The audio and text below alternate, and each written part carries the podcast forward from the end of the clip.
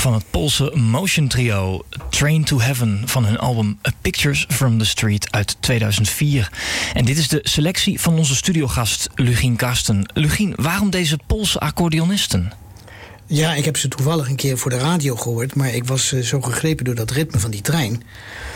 Uh, wat, je, wat, je, gewoon heel goed kunt horen. Die trein is denk ik toch een symbool geworden. We hadden het er net al even over. Over de manier waarop we aan de ene kant standaardisering hebben ingevoerd. We, accepteren niet dat die trein niet op tijd rijdt. Aan de andere kant enorme bewegelijkheid, een enorme dynamiek. Alles kon sneller. Men verplaatste zich sneller. Men was sneller bij zijn, bij zijn vrienden. Men was sneller in een andere stad. Men was sneller in een ander land. En dat was eigenlijk voor die tijd in, uh, in die zin uh, nooit gebeurd. Je ging met een postkoets of eventueel aan het eind van de 19e met een fiets. Uh, maar dan moest je wel vaak banden plakken, want die wegen waren slecht. Maar die trein, die bracht je overal.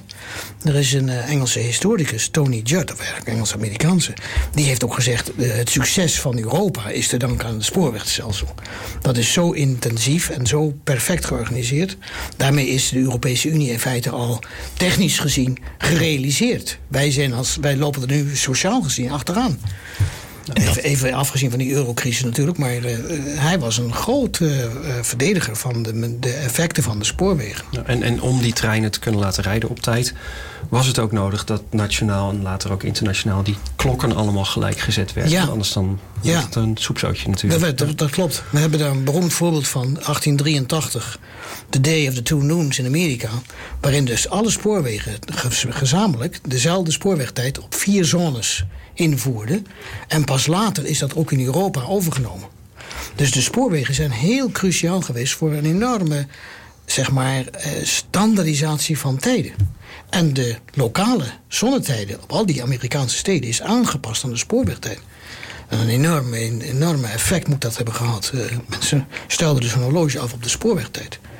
Een gigantische impact. Ja, maar het is bijna een metafoor voor de hele uh, uh, globalisering van de economie. Wat aan de ene kant een versnelling mogelijk maakt. En aan de andere kant een grote gelijkschakeling. Uh. Ja, ja. ja, we zien dus aan de ene kant wat we tegenwoordig noemen een acceleratie. Alles, alles gaat sneller en we, en we doen het vaker. Hè. Acceleratie is vliegtuigen, maar we nemen vaker het vliegtuig. En er, worden nu, uh, er zijn de afgelopen uh, paar jaar 3 miljard mensen verplaatst. In 1919 waren dat er 345. En, en je kunt je bijna niet voorstellen hoe snel dat allemaal gegaan is. Containerschepen die varen op de minuut. En dat is wereldwijd. Hè? Dat is niet alleen maar hier voor Europa of voor uh, Europa-Amerika. Dat is wereldwijd. Een, een echte globale 24-uurs-economie. Die, die, die is zich gewoon aan het verwezenlijken. Hè? Die, die, die containerschepen die varen zo op tijd... dat just in time ook vervolgens met die hè, materialen die vervoerd worden... naar die fabrieken precies gereguleerd kan worden. Dat is toch fenomenaal. Dat ja. is, dit is zijn we, zijn we er blij mee, Ronald? Zouden we er blij mee moeten zijn? Dat heeft ons veel gebracht. Ja, dat heeft ons veel gebracht. En de, de, de, meeste economen die zullen uh, zeggen dat dat heel veel groei heeft opgeleverd. En dat uh, winkels, uh, sluitingstijd, dat dat maar weg moet. En dat, nou, Michael van Stralen werd even aangehaald. Die de onregelmatigheidstoeslagen weg wil hebben. Want dat is toch niet meer van deze tijd. Ik, um, een tijdje terug zat ik de, de 24 uur economie te verdedigen. En een vriendin van mij die zei van... Um, maar dat, dan kan je toch geen voetbalcompetitie meer organiseren op zaterdag. En dat. Dat ik, raakte jou, dat En dat vond, ik, dat vond ik eerst een beetje een simpele opmerking. maar als je erover nadenkt, is dat natuurlijk wel als uh, alles 24 uur per dag, 7 dagen per week doordraait, is er geen moment meer. Um, of het nou een zondag is of een ander moment in de week, geen moment meer waarop je uh, de tijd kan nemen voor elkaar. En of elkaar nou je gezin is of de straat of uh, het voetbalteam.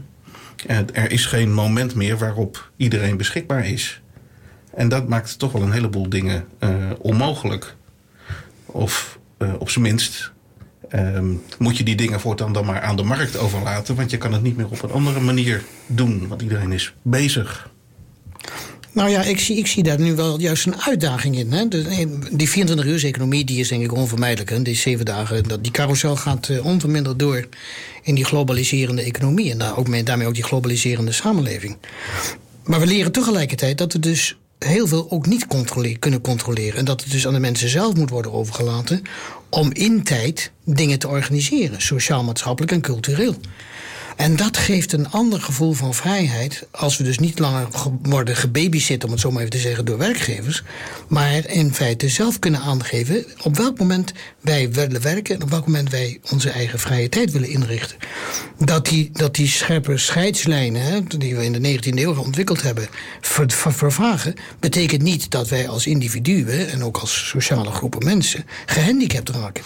Alleen we moeten er anders naar gaan kijken. Nou, het lijkt me dan toch nog best een uitdaging om uh, in een voetbalcompetitie elke zaterdag dan met hetzelfde team op het veld te staan.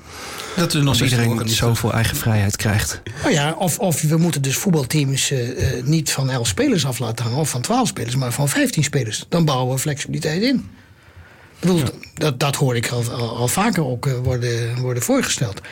Want die, die, globalisering die kruipt natuurlijk ook in hele regionale en lokale ontwikkelingen. Die, daar ontsnappen wij gewoon niet aan. Uh, nee, maar het is, de, de uitdaging zit hem erin om zelf de regie weer te nemen over de tijd. Hè? Absoluut. Niet meer aan de, aan de werkgevers of de fabrieken over te laten. Hebben we daar dan nu ook de mogelijkheden voor?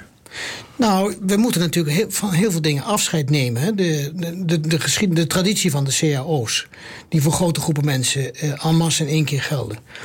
Uh, met alle respect, dat heeft heel veel voordelen voor de werknemers opgeleverd. On, uh, dat, dat, wil ik ook helemaal niet betwisten. Maar ook de vakorganisaties hebben natuurlijk moeite om nu te erkennen dat die flexibiliseringsideologie dingen niet meer en masse georganiseerd kunnen worden. En dat er dus veel meer, zeg maar, op een fijnmazige manier en door mensen zelf dingen georganiseerd moeten worden. Daarbij spelen natuurlijk machtsverhoudingen. Ongetwijfeld. En daar heb je een vakorganisatie voor nodig om te laten zien dat die belangen ook collectief kunnen worden ingericht. Als het niet lukt op lokaal niveau met de mensen zelf, die mondig genoeg zijn om hun eigen belangen ook uh, op tafel te leggen. Maar we moeten niet, niet doen voorkomen alsof dat een, een, private zaak is die ieder individu maar even moet regelen. Daar speelt macht bij. Ja.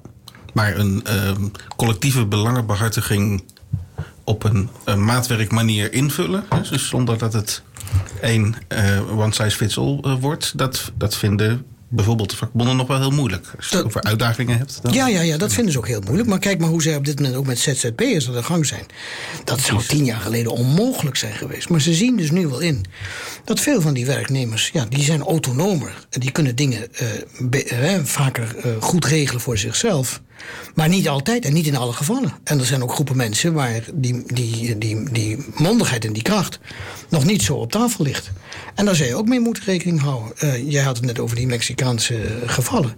Nou, zo zijn er vele waar dus zeg maar die verplaatsingen van productieunits die nog heel sterk uh, gestandardiseerd zijn naar, naar minder ontwikkelde landen natuurlijk nog geënt zijn op die principes van de 19e eeuw. Daar komen ze een keer van op de koffie thuis.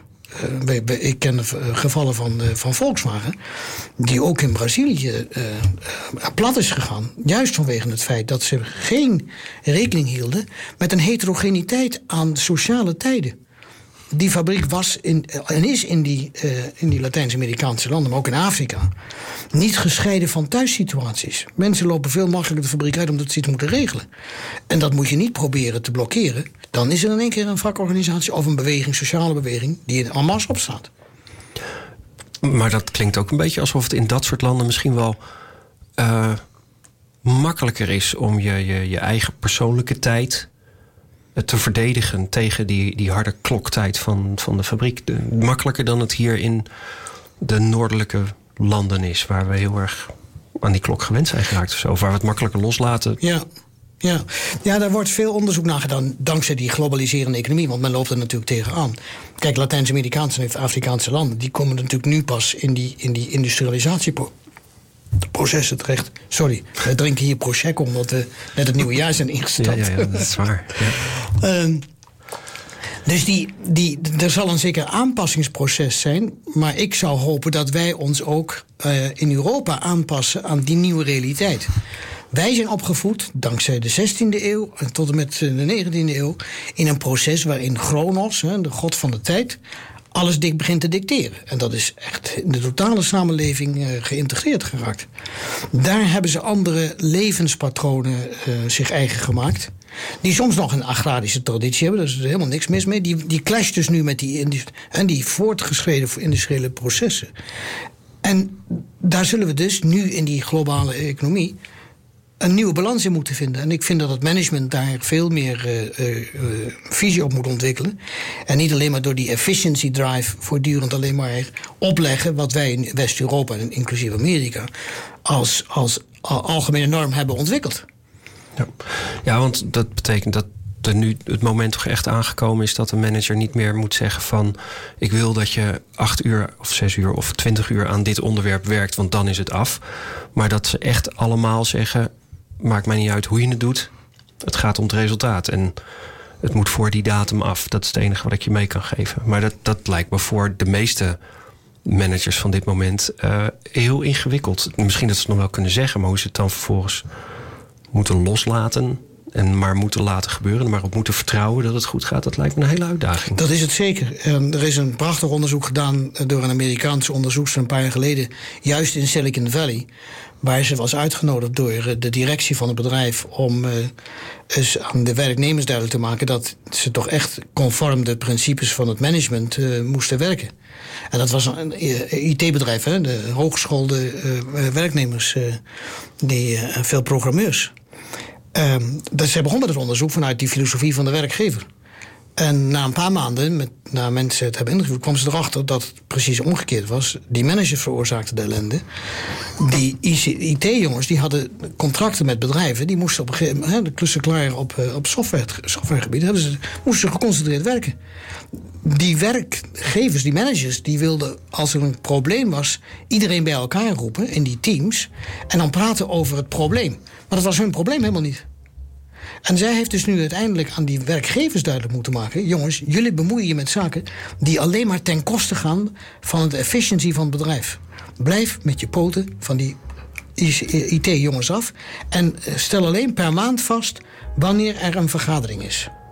Een eerste handreiking naar, naar de manager die dit wil proberen zou dan misschien zijn om niet te zeggen van dan en dan zijn er vergaderingen, maar juist te zeggen die uren van de dag die zijn heilig, daarin word je niet gestoord. Precies. Dat is de afspraak die wij hier maken. Van zo laat tot zo laat stoort niemand elkaar. Ja, dat is ook wat de, de uitkomst van het onderzoek uh, aangaf. En daar was het management niet uh, erg uh, amused over, maar ze hebben het wel uiteindelijk geaccepteerd.